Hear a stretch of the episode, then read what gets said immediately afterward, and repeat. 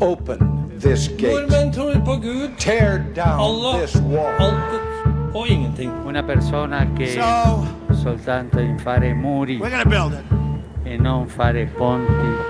Neste stasjon er Drammen. Hei og velkommen til Ypsilon-samtaler, en podkast fra Kirkelig dialogsenter i Drammen. Navnet mitt er Ivar Flaten, og i denne episoden får du en festivalspesial fra Drammen Sacred Music Festival, som gikk av stabelen for ellevte gang nå i siste uke. Hvert år så har vi et eh, verbalprogram, og i, dette, i denne utgaven så hadde jeg gleden av å snakke med Ellen Sofie Hovland i forbindelse med konserten hennes i biblioteket den 14. september. Og dagen etter viste vi filmen Håp i samarbeid med Drammen Filmklubb. Og der var regissør Maria Sødal med og introduserte filmen, og hadde en prat med meg etter visninga. I denne episoden så får du høre begge samtalene og noen opptak av konserten. Ellen Sofie Hovland har gitt ut tre plater som alle er nominert til Spellemannspris, og den ene fikk den også. Hun synger om relasjoner, om livets opp- og nedturer med medfølelse og innlevelse. Denne konserten var den første både for henne og for Drammensbiblioteket på mange måneder, og det var tydelig at både publikum og artist koste seg på den flotte scenen. Hovedscenen på biblioteket har vel byens vakreste kulisser, med Ypsilon, elva og åsen som bakteppe. Det perfekte sted for en Ypsilon-samtale. Ellen Sofie, rett fra jobb i dag. Ja. Spiste i bilen, Ja. og nå her. ja. Hvordan, eh, hvordan har du det? Eh, jo, akkurat nå så har jeg det ganske bra. Jeg syns det er veldig hyggelig da, eh, å bli invitert hit. Og så er jeg vel litt, eh, litt nervøs Ja. også, som jeg pleier å være når jeg skal stikke fram med snuta på en scene. så, Ja, Ja. Nei, men Det er veldig hyggelig å ha deg her. Ellen Sofie, du er musiker, skriver tekster, har gitt ut tre CD-er. Og hør her én Spellemannspris og to nominasjoner.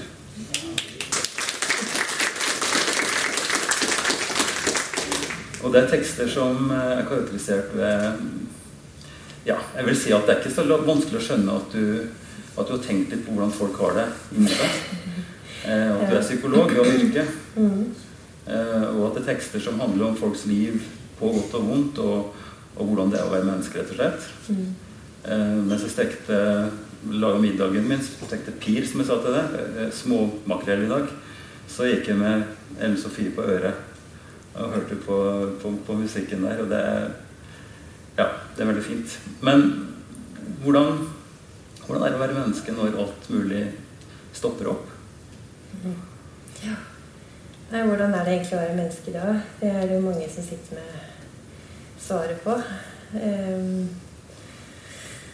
og jeg vet ikke alt om det, men, eh, men eh, hvis du tenker på den eh, krisa vi Mm. har vært igjennom, og som vi delvis da fortsatt er i selv om nå Vi er det fortsatt. Vi er det fortsatt. Og litt mer eh, ekstremt i våres. Ja. Eh, men det er jo eh, Altså, mennesket er jo et grunnleggende sett sosialt dyr. Mm. Sånn at vi er jo langt mer avhengig av hverandre og kontakt med hverandre enn det vi kanskje mm, liker å innrømme noen ganger også. Mm. Ehm, vi er ganske sånn eh, individorientert i vår del av verden. Mm. Um, og men jeg tror sånn som da den nedstengingen og sånn inntraff i året, så tror jeg det var mange som ble konfrontert med det. da, hvordan det eh, Hvor avhengig man egentlig er av den Ja. eh, menneskelige kontakten. Mm. Eh, og at skjermen ikke kan eh, erstatte det helt. Da. Eller man prøvde etter beste evne å erstatte både det ene og det andre med eh, Zoom og ja. Ja, Én ting er det arbeidsmessige, at du skal ha kontakt med kolleger og kunne løse ting. Og sånn, og da kan jo skjermen faktisk være ganske bra. Men, eh, men opplevelsen av fellesskap i et rom, altså det å kunne være med på noe sammen, Eh, Og det syns jeg er det flotte her nå. At vi, selv om vi må sitte med den meterens avstand og skal passe på med sprit og alt mulig, at vi er til stede her nå og kan oppleve noe sammen i, i et rom, det er noe som er helt forskjellig fra det å skulle sitte og få med seg noe på en skjerm. Selv om det kan være fint. Mm. Altså Det vet vi jo som følger med på serier og film og kan lytte til musikk og sånn, òg, men rommet er noe spesielt. Og jeg må nesten tenke på at det er nesten sånn halvfysisk. Mm. Altså Selv om ikke vi tar klemmer hverandre, så er vi sammen, liksom. Mm. Mm. Ja, det er jo litt sånn finsk ordrus her. Det er noe med kropper. Det er noe med kropper, Ja, ja. Vi kan prøve så godt vi kan å prøve å erstatte liksom, det kroppslige nærværet, men eh, det er ikke så enkelt. Um, og det tenker jeg jo også som eh, som eh, musiker, når jeg er det. Så det var jo liksom en sånn bølge under eh, nedstengingen, og kanskje delvis fortsatt, også hvor det er ja, en del sånn streama Ja. eh, tilbud. og sånn, Og det er jo flott. Jeg ble veldig fascinert over liksom den, eh, det engasjementet og Mm. den tiltakslisten folk hadde for liksom å sende konserter ut i de ganske hjem og sånn.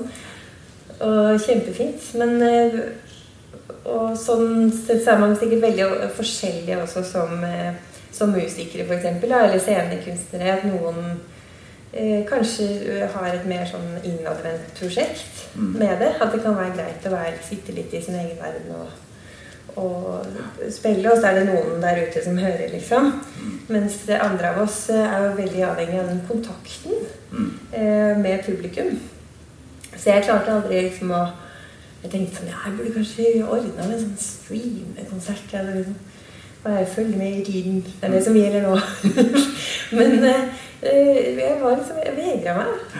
For jeg syns det blir vanskelig når jeg ikke liksom får den eh, blikkontakten, eller at jeg liksom ser at liksom, ja, der skjedde noe med han der, og hva var det, og liksom, At det blir som en, en samtale litt, da.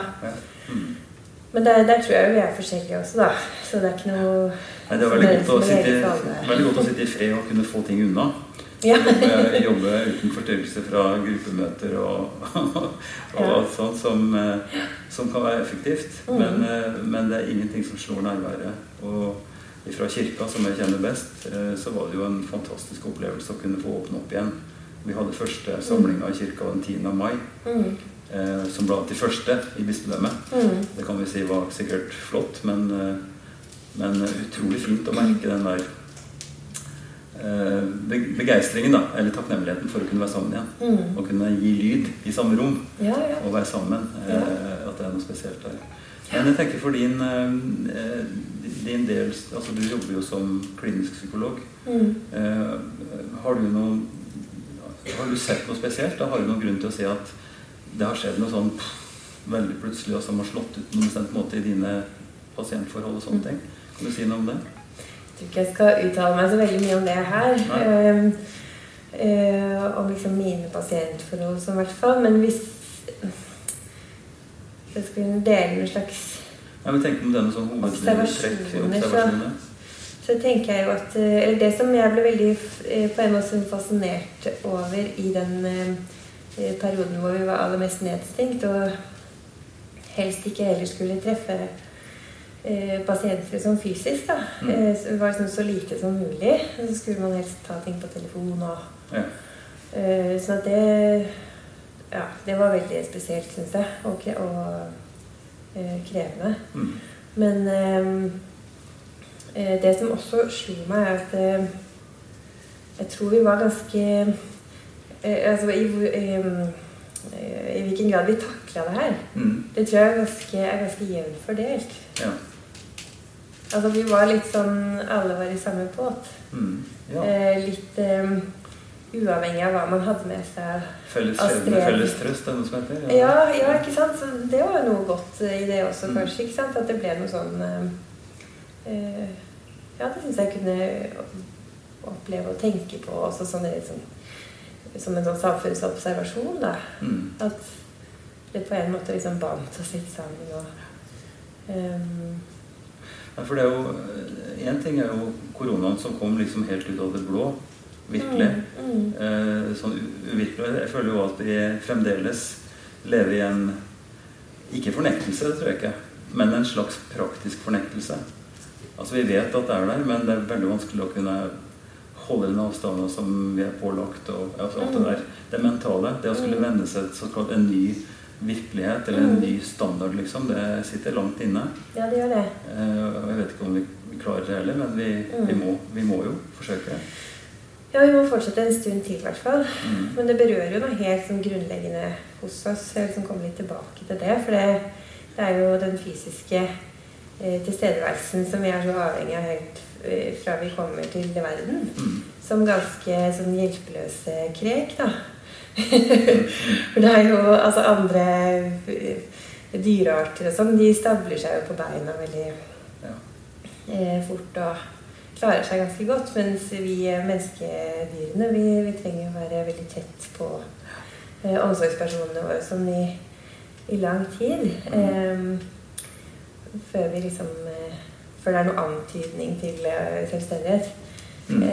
Og det tar vi liksom med oss. Og den Jeg liker liksom å bruke den derre eh, mor-barn-samspillet som liksom metafor på hva vi trenger resten av livet også. For, og apropos det med kropper og Mm. tilstedeværelse, så sier vi være i samme rom og, og lage lyd i det samme rommet. Mm. Og det er ikke helt eh, eh, tilfeldig at det er ålreit. For det er noe av det som skjer når eh, Når vi blir trøstet som små, f.eks. Det gjøres jo ikke gjennom ord som sendes ut på, liksom, fra lang avstand. Hør, der borte, du eh, lille baby, nå må du Frode deg. Ikke sant? Det skjer jo ved eh, kroppskontakt. Mm. At man blir holdt. Man blir kanskje vugget. Det er rytme. Det er kanskje lyd. Det er kanskje um, Det er kanskje sang. Det er kanskje mamma eller pappa som imiterer babyen sin sine lyder. Ikke sant? Babyen sier Wah! og så sier mammaen «Wow», og gjentar den. Så, og det er musikk. Ja. Ikke sant? Mm. Og det skjer jo uten, uten ord. Mm. Uten, eh, og det er på en måte den Vi slutter ikke å ha, ha eh, de behovene for å være til stede. Vi toner oss inn, ikke sant? følger Mm. hverandres eh, Hvor er du nå ikke sant? i ditt eh, stemningsleir? Hvor er din melodi? Mm. Så Og den speilinga er veldig vanskelig å få til over skjerm. veldig. Ja. Ja. Folk kan bli temmelig klønete. Ja, lese Ja, altså lese. Jeg vet ikke hvor, hvor stor det vet hvor du, men altså den prosenten av språk hvor fattigslig det verbale er i forhold til hele kroppen eller hele minnespillet, alt som skjer i ansiktet vårt, Ja. eh, som, som er vanskelig å, å, å fornemme, i hvert fall på skjerm. Og jeg, jeg har jo hatt noen foredrag på skjerm og sånn, men det er jo, jeg syns det er tilnærmet umulig. ja. For hvordan skal du tolke respons, og hvordan skal du ta signaler og sånn? Du bare glaner inn i en skjerm og mer eller mindre søvnige ja. folk som sitter og dupper og er med deg? Ja, det blir liksom bare å drive på med sitt. Ja. Så eh, ja, for man anslår liksom at Jeg tror det er hvis Jeg, jeg klarer ikke rundt huske på sånne tall så veldig godt, jeg. Men eh, jeg tror det er liksom anslått at det er 30 av kommunikasjonen vår eller noe sånt som går gjennom Ja, ja, ord. da, Og resten er eh, det er alt det andre. Eh, vi, vi skal runde av snart, men jeg tenker på semin, eller ikke seminaret, men festivalens tema er drivkraft. Ja. Og vi kobler drivkraft også til håp og til tro. til deres kant. Um, og det er noe som, som jeg har tenkt en god del på. Hvordan skal du finne drivkraft og håp og, og krefter når, når både korona og miljøtrussel og geopolitiske spenninger og alt det der som vi, vi ser og observerer, da, som til sammen blir en ganske stor pakke. Mm. Uh, det å finne ja, som jeg sier, fotfeste og, og drivkraft til å stå opp om morgenen og gjøre det vesle en kan liksom hvert sitt sted.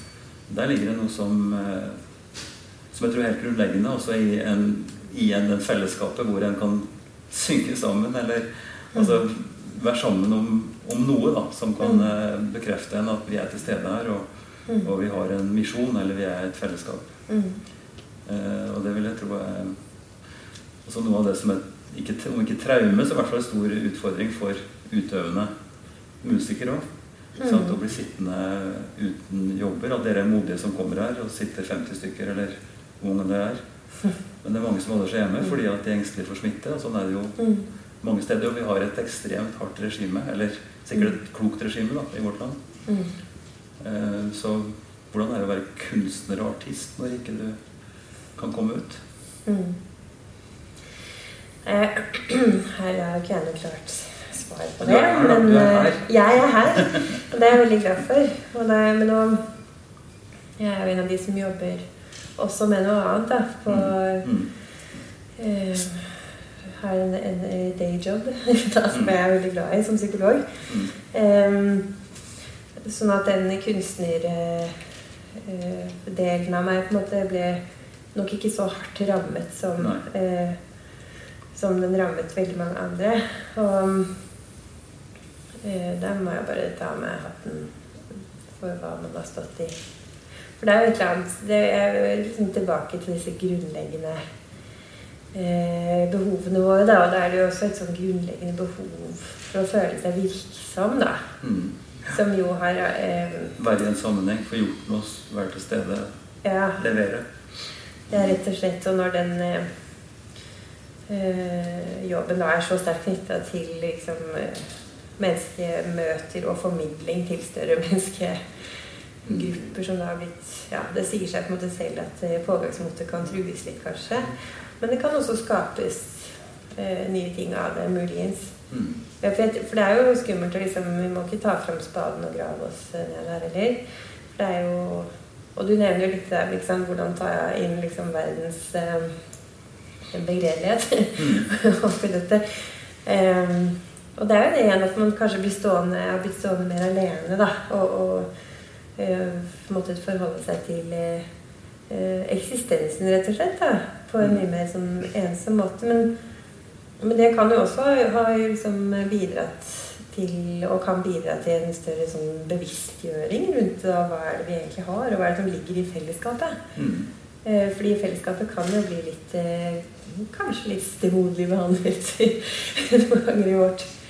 Moderne samfunn. Så i beste fall så, så skjer det noe der. Mm. Eh, ja. Jeg tror vi skal la det bli med det, for nå gleder vi oss veldig til å høre deg synge og fortelle. eh, fra dine produksjoner og det du har på hjertet. Så takk for at du ville ha denne samtalen først. Og så ønsker vi deg alt godt i jobben din videre, og så gleder vi oss til konserten. Takk skal du ha. Takk for det. Takk for praten.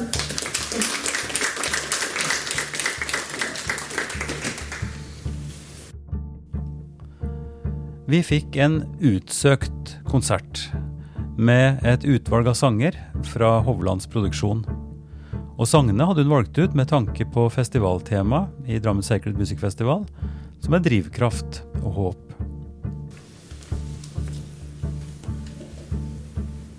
Gravde litt i arkivet, og så Vi var jo liksom ja, inne på veldig mange ulike temaer der, da. Litt i forkant når vi har snakka sammen, og nå og stakk stortåa nedi noen, noen temaer. Eh, og dette med verdens eh, begredelighet eh, er jo et tema. Og hvordan eh, st- stå i det. Em, så fant jeg fram en sang fra det første albumet mitt som jeg eh, skrev rett i etterkant av eh, 22. juli. Bare for å virkelig gå eh, inn i ja. Jeg ble veldig opptatt av Jeg var litt mindre opptatt av eh, diagnostikken av eh, terroristen, som var det som var først eh, veldig fronta i media. Eh, og mer opptatt av og bekymra for de eh, politiske, ideologiske strømningene. Eh, og så tenkte jeg at søren, eller hva er det vi driver med, liksom? Eller det eh, Det ble også til en sånn refleksjon over at vi trenger et eller annet å tro på da, i en veldig komplisert eh, kompleks verden. Og at det skaper vi oss alle på et eller annet vis. Eh, Så det ble en sang om det. Om oss på en måte.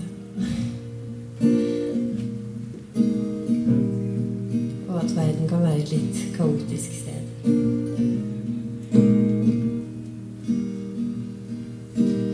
De sa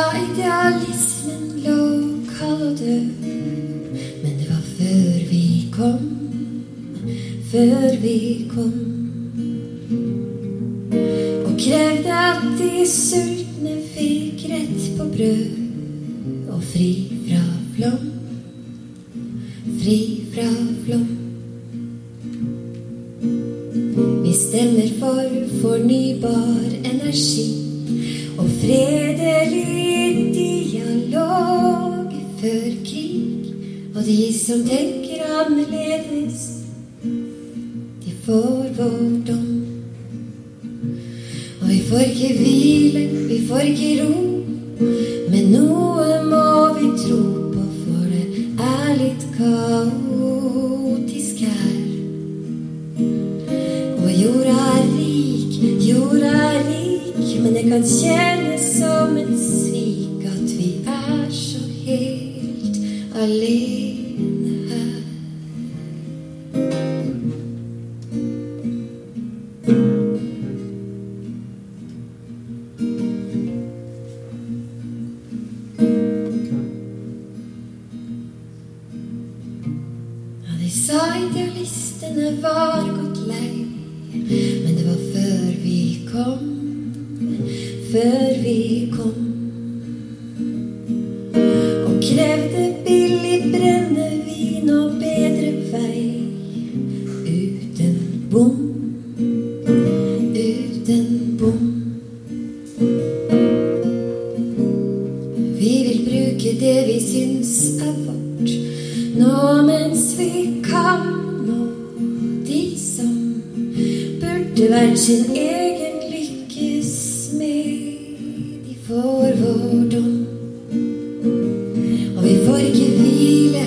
vi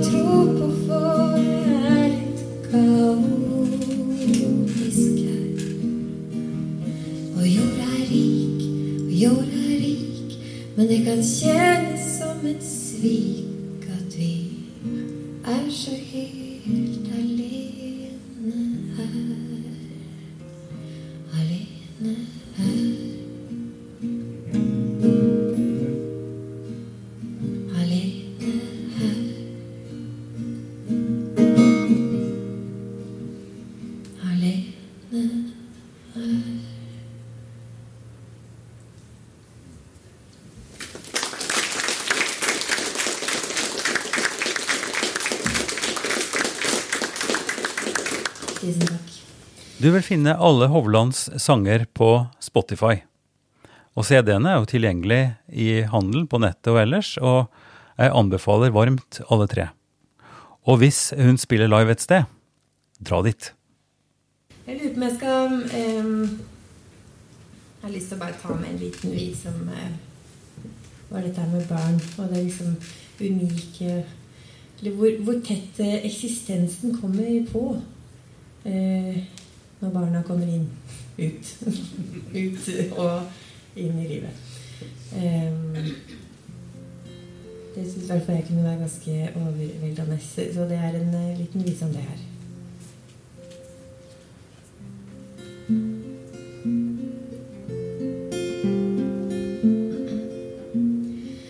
Når du smiler mot meg og lukker meg hardt med bitte små hender og fryder deg over at du har fått tær, da tenker jeg Gud, nå er himmelen nær.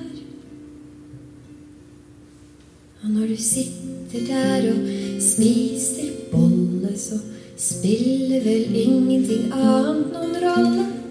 Og så fant du ut at du liker rosin. Og i det sekundet så var du så fin. Men så kan jeg tenke, hva har jeg gjort? For hvis noe skulle ha revet deg bort, da ville jeg revnet, da ville jeg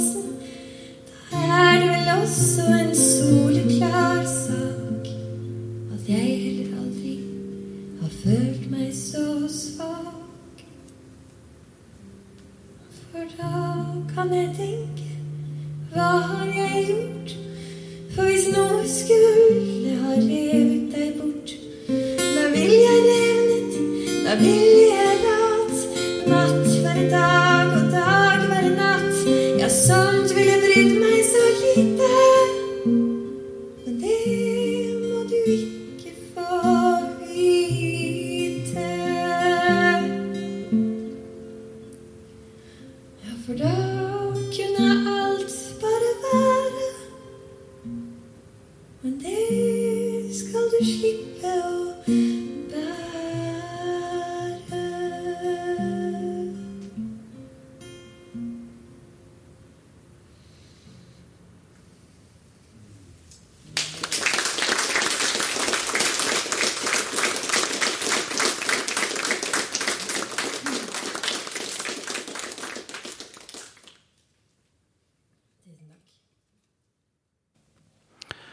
Maria Sødal skapte filmen Håp, som med Andrea Brein Håvik og Stellan Skarsgård i hovedrollene har fått Amandapris og gått sin seiersgang fra festival til festival det siste året. Filmen handler om Maria selv og familiens liv i ti dager fra hun fikk dødsdom med uhelbredelig kreft fram til operasjonen. Det er vanskelig å gå uberørt fra denne filmen, som mer enn helse handler om relasjoner og kjærlighetens kraft midt i krisen. Publikum fikk denne kvelden både filmvisning og et innblikk i Maria Sødals arbeid med denne svært personlige filmen. Lenge var hun fast bestemt på at hun ikke ville og kunne lage film om dette. Etter noen år gjorde hun det likevel. Og det er vi svært takknemlige for. Gratulerer. Takk. Den eh, gjør like sterkt inntrykk hver gang. Eh, gratulerer med Amanda og med det ene og det andre. Altså, det er jo fantastisk med Stellan Skarsgård og, og Andrea Håvik Brein. Men det som gjør mest inntrykk på meg, Maria, det er rett og slett casting av disse ungene. Hvordan, hvordan får man til det? Utrolig, utrolig sterk eh, fornemmelse av nærvær og, og altså utvikling gjennom hele filmen. med altså ungene er et mirak mirakuløst, syns jeg. Eh, Det skulle de ha hørt.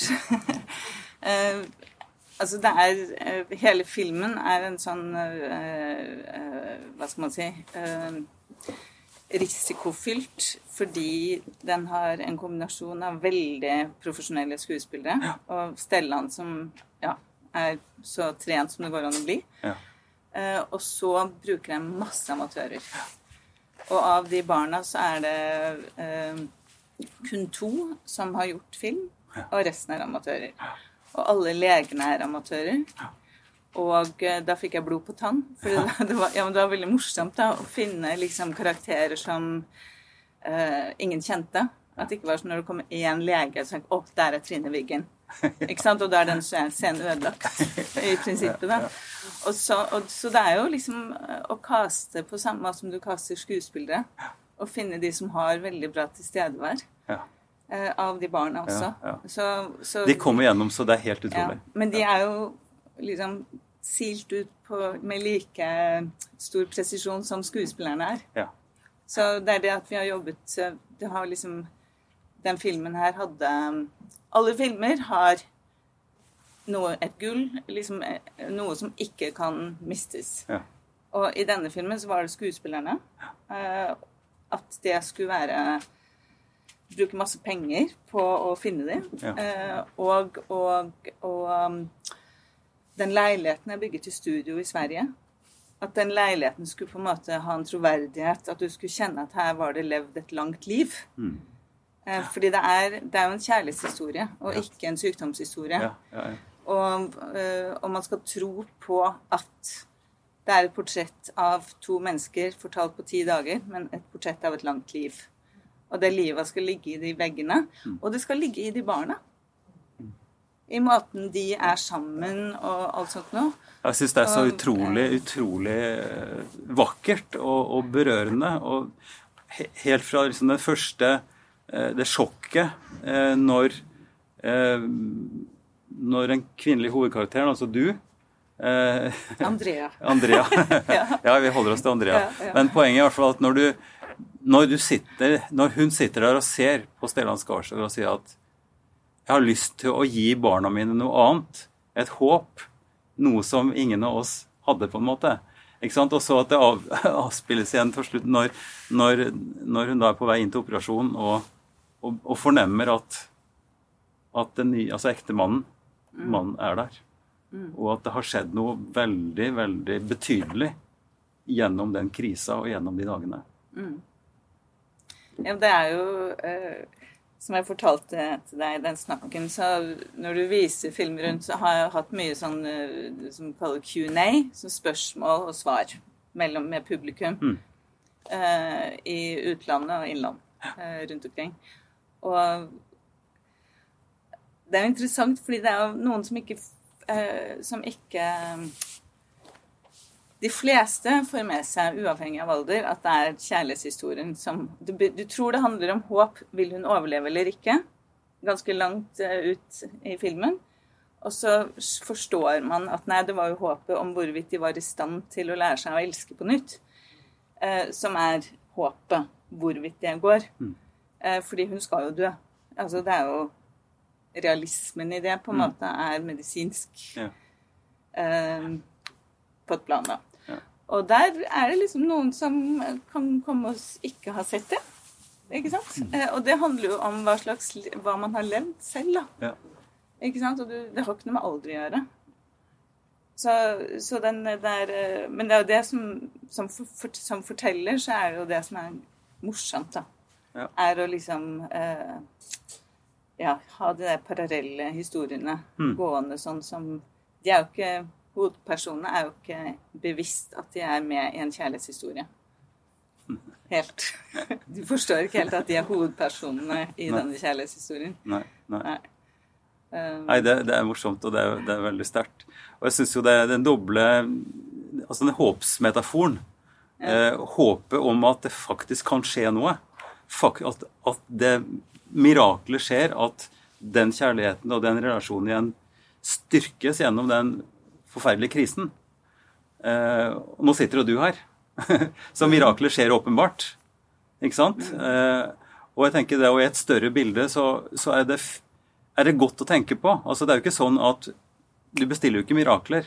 Og et mirakel er et mirakel fordi at det er ekstraordinært. Men håpet er jo ikke ekstraordinært.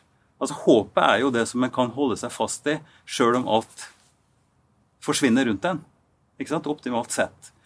Og derfor tenker jeg også det Jeg vil utfordre deg litt også på å si noe om Dette håpet er noe som også som, som gjelder oss her og nå ikke sant? i den situasjonen som hver enkelt måtte befinne seg. Jeg tenker Det er mange som kjenner igjen historien din også, med plutselig sykdom i familien, og hva det har gjort med en, på godt og vondt. Men også hva det gir av styrke til å tåle mye. Også rundt oss, i, om det er korona, eller om det er klimatrussel, eller altså det vi var inne på i, i samtalen vår. At dette veldig sterke, som vi kaller kjærlighet, eller, eller håp, eller fotfeste, om du vil, drivkraft.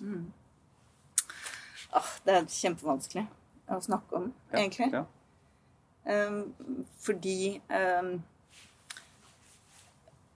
jeg har jo vært gjennom en reise i forhold til tanker rundt det, som ikke handler om sykdom bare. ikke sant? Men det er jo en eksistensiell størrelse. Mm. Og hvis jeg begynner eh, fra hvor jeg står nå, og går bakover istedenfor omvendt, Mm. så tenker jeg da at håp er eh, på en måte en dyd. Mm. Mest av alt. Mm. En dyd som vi må liksom eh, Uansett religion eller Mm. ei. Mm. Eh, jeg er ikke troende, eksempel. Mm. Eh, men eh, hvis det går an å si det Det vet jeg heller ikke helt. Men, har jo vært på, ja. men, Mm. men håp, det er eh, noe som man må strekke seg mot. Mm. Og ha som en sånn guidance. Mm. Ikke sant? Og det fordi eh, vi er jo alle født med ulik eh, grad av optimisme eh, i, eh, som mennesketyper. Liksom noen av oss er født mer med sånn halvtomt glass, tankegang, og andre er litt mer halvfull. Og det er klart at de som er mer halvfull, de får et bedre liv. Det mener jeg. Mm. Uh, og jeg har jo snakket med noen uh, som uh, fagfolk som mener at vi, er, vi kommer til verden, og så er liksom 40% av oss er gitt i forhold til hvilken av de Ja, sånn men- ja, pakke, genetiske liksom. pakken vi Ja, får. da. ja. Og Mm. de 60 resterende prosentene er det vi selv som kan gjøre noe med. Eh, og så er det jo en stor faktor som heter flaks og uflaks, da. Ja, eh, liksom, i livet. Så eh, jeg tenker bare at håp er liksom Og du ser på små barn. Mm. ikke sant, at Hvis ikke de spedbarn hvis ikke de møter et blikk med en optimisme fra dag én, hvor de Mm. begynner å se, så dør de. De visner. Mm. Ikke sant? Altså, de forsvinner. Og hvis ikke de har nærhet. Så visner de også. Ja. Så, så jeg tenker at det, om det gjelder liksom makro-mikroplan Mm. i verden, eh, om det er pandemi nå, eller ikke sant? Les avisen Kom, i dag med han Ja, eh, britiske forskeren som, som snakker om eh, at vi, det er ingen, har ikke vært noen pandemi som ser ut som vår. Nei. Det har aldri spredt seg så fort som nå. Ikke sant? Og er du og får knust en drøm før du har fått forsøkt deg på den Mm. det er liksom, Jeg tenker det er to ting man må ha, og det er det håpet. Og så må man ha en drøm som helst ikke er oppnåelig. Som helst ikke er Ikke nødvendigvis oppnåelig. Nei, nettopp. Nei. Ja. For jeg var redd du skulle si oppnåelig, men det Ja, nei, en, en, et, du må ha en drøm. Liksom, du må ha noe som uh, uh, Hva det måtte enn være. Ja. Som er der, som er der Ja, et sted. noe som gjør at det er en eh, Og det innbefatter jo kanskje liksom at du har en funksjon her i verden, da. kanskje. Mm, Ja, ja. Eh, at det er en grunn til at du er her. At det gjør en forskjell om du er her, eller om du ikke var her. Mm. Uh, ja. Jeg liker veldig godt eh, det du sier om, om eh, håpet som en dyd. Og det er jo sånn, sånn sett gammel kunnskap eller gammel visdom. Fra, Ja. Tilbake fra Aquinas ikke sant? så er håpet en av de sju dydene. Mm. Tro, håp og kjærlighet. Og så har du ja, de andre som vi kunne snakke om. Mm. Så det syns jeg er veldig godt, og det gir også en type Vi skal ikke snakke om, om viljesbeslutning, men det, men det gjelder å holde, fa- holde fast på noe fordi at man vil, og fordi at man skal et sted. Eh, og at en da har den visjonen der borte som en ikke tror for alvor en skal nå, men som en skal slå, slite etter å, komme videre på. Vi kunne sitte og snakke veldig lenge, men det er seint. Hvis jeg bare en liten ting, da. Ok, en fordi ting, jeg, en jeg, jeg, ja. slutt, eller jeg begynte med den dyden som der hvor jeg står nå. Ja, Eh, da jeg var i denne situasjonen, ja, så, så var jeg blant de der kjipe pasientene som bare skulle vite akkurat hvor lenge fikk jeg. Ja. Fordi jeg hadde et ansvar Ja. for barna mine. Ja. Eh, det var tankegangen min. da. Mm. At jeg skulle planlegge, og jeg skulle ikke være en sånn, ha en sånn legge meg ned i en sånn dvale av manglende realisme. Nei. Eh, Nei. Ikke sant? Nei. Så et urealistisk håp, Mm. det kan jo være veldig destruktivt. ja visst. visst. Ikke sant? Så jeg syns jo ikke håp per se eh, Altså, det, det er komplekst, da. Ingenting som er enkelt. Nei. Ingenting som er enkelt. Det er ingenting som skal være enkelt. ja. Nei, men som sagt, eh, det er en gripende film, og, og den kan ses flere ganger, som jeg har gjort. Og det, det, den vinner seg på det. Men jeg tenker kanskje at noen her har lyst til å stille Maria et spørsmål, komme med en kommentar, at vi bruker litt tid på det eh, før vi sier at det er full dag. Er det noen som har noen kommentarer eller spørsmål, så er det hyggelig åpent for det.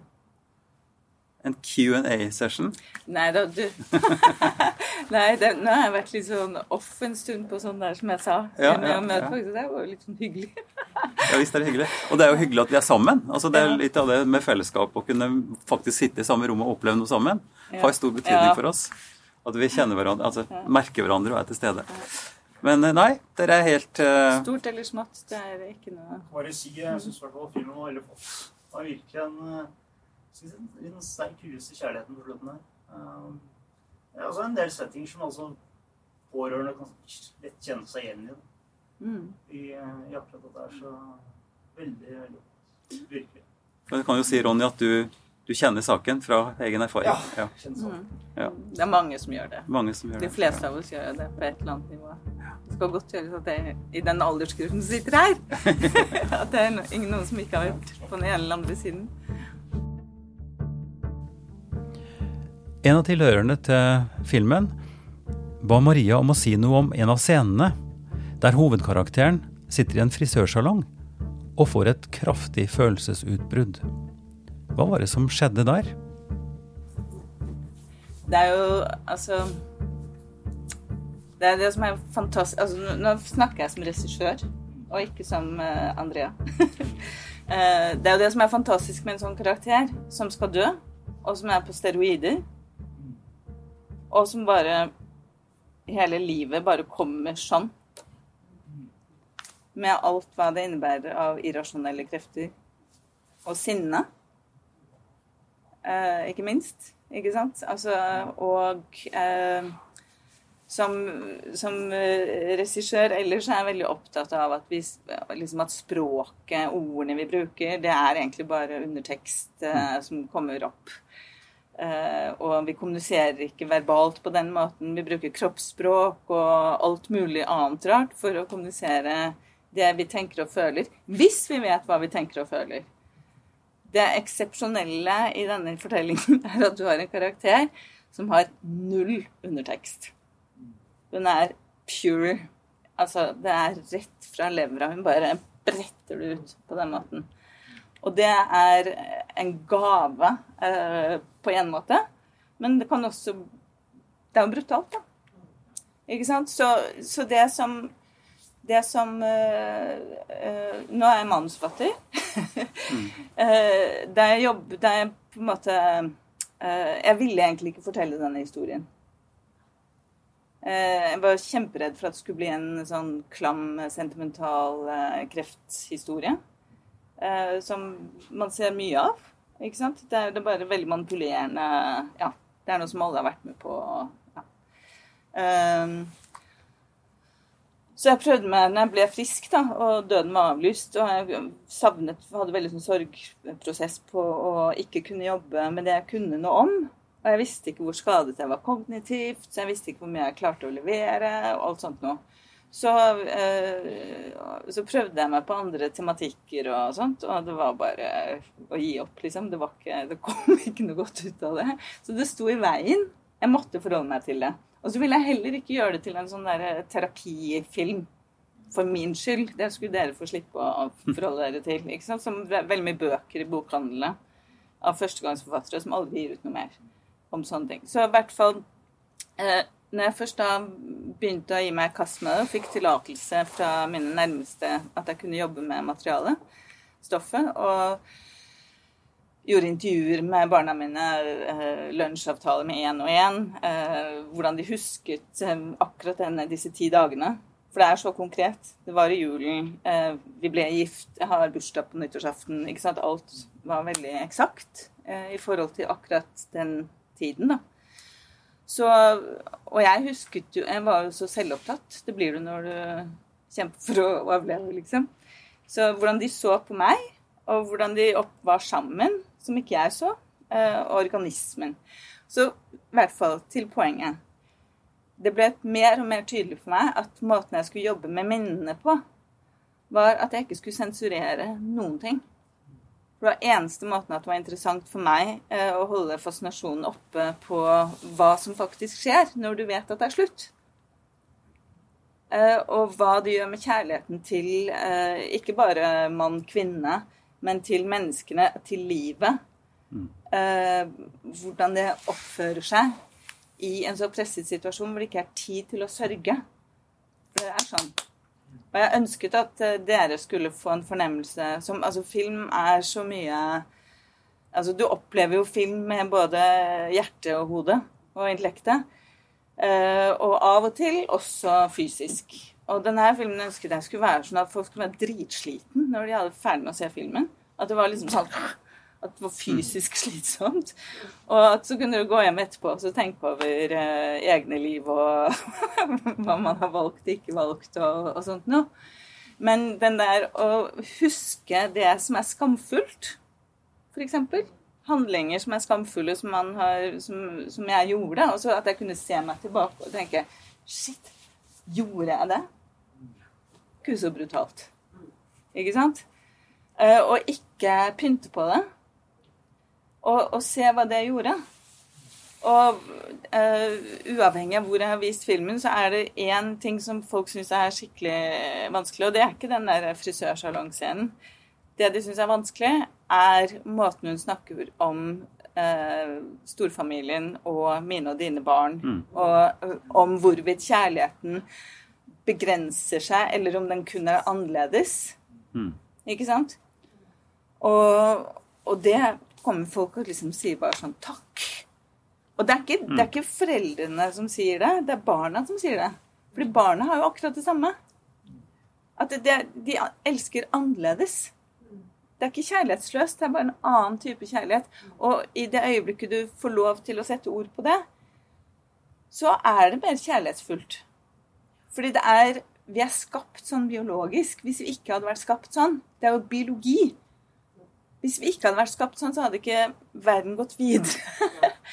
ikke sant? Altså, fordi det er laget sånn. Uh, og, og, kjærlighet er jo noe du skal lære deg. Vi er jo ikke født med Vi er ikke født bare gode. Og eh, i mine øyne, da. Vi har, vi har det i oss. Ikke sant? Det skal kultiveres og, og sånn. Så det eh, Så bedre svar kan jeg egentlig ikke gi det. Eh, Jeg syns det var et godt og utfyllende svar.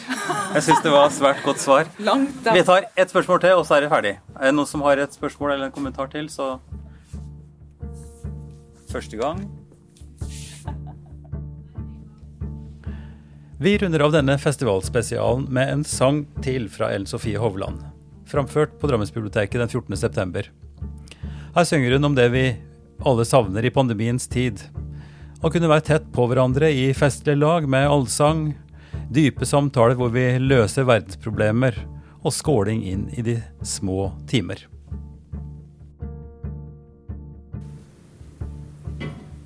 Nå tror jeg jeg skal avslutte det her med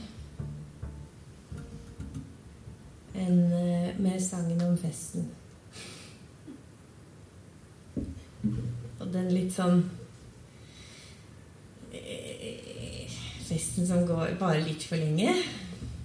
Eh, som eh, jeg savner veldig nå, særlig nå. Man kan sitte litt eh, eh, tett og også dele lyd i rommet. Eh, ja, og være litt verdensmestere, ikke minst. Eh, så her kommer det en liten tullete til dere der på slutten. Litt eh, tullatation må man ha. Det er jo på en måte også Det er en hyllest til eh, flokken, dette her, altså. Og litt til festen, da.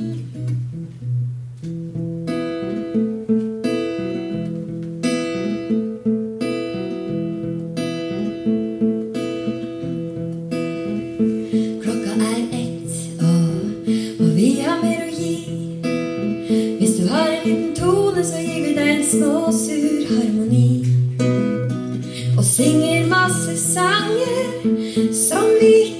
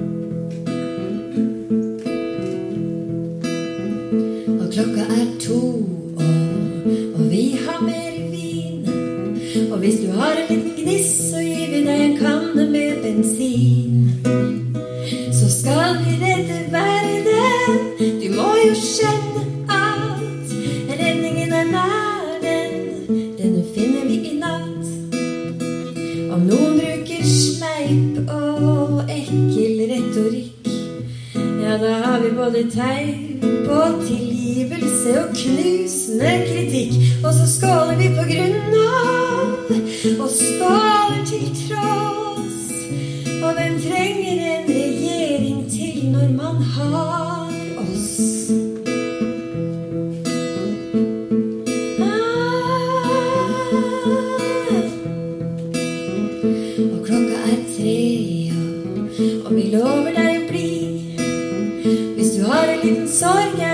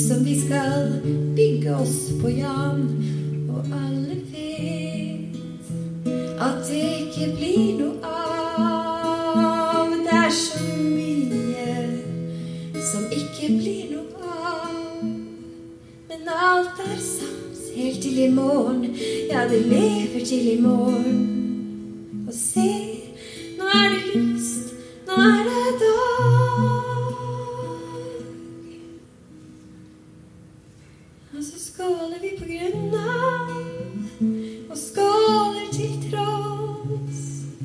Og hvem trenger egentlig noe mer når man har oss? Nei, hvem trenger egentlig noe mer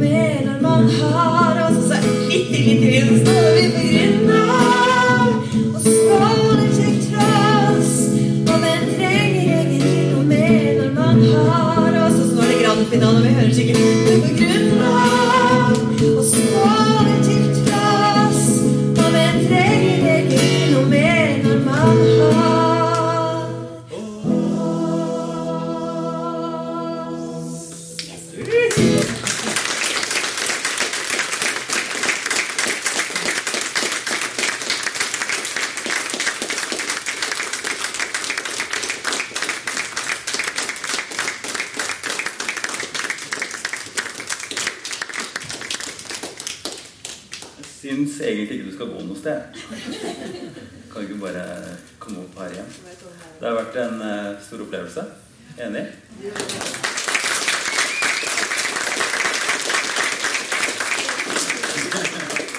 Fra liksom det helt eh, såre, nære, eh, berørende til det morsomme. Til skåling klokka fire om natta. Det syns jeg det er lenge siden. Altså. Veldig lenge siden.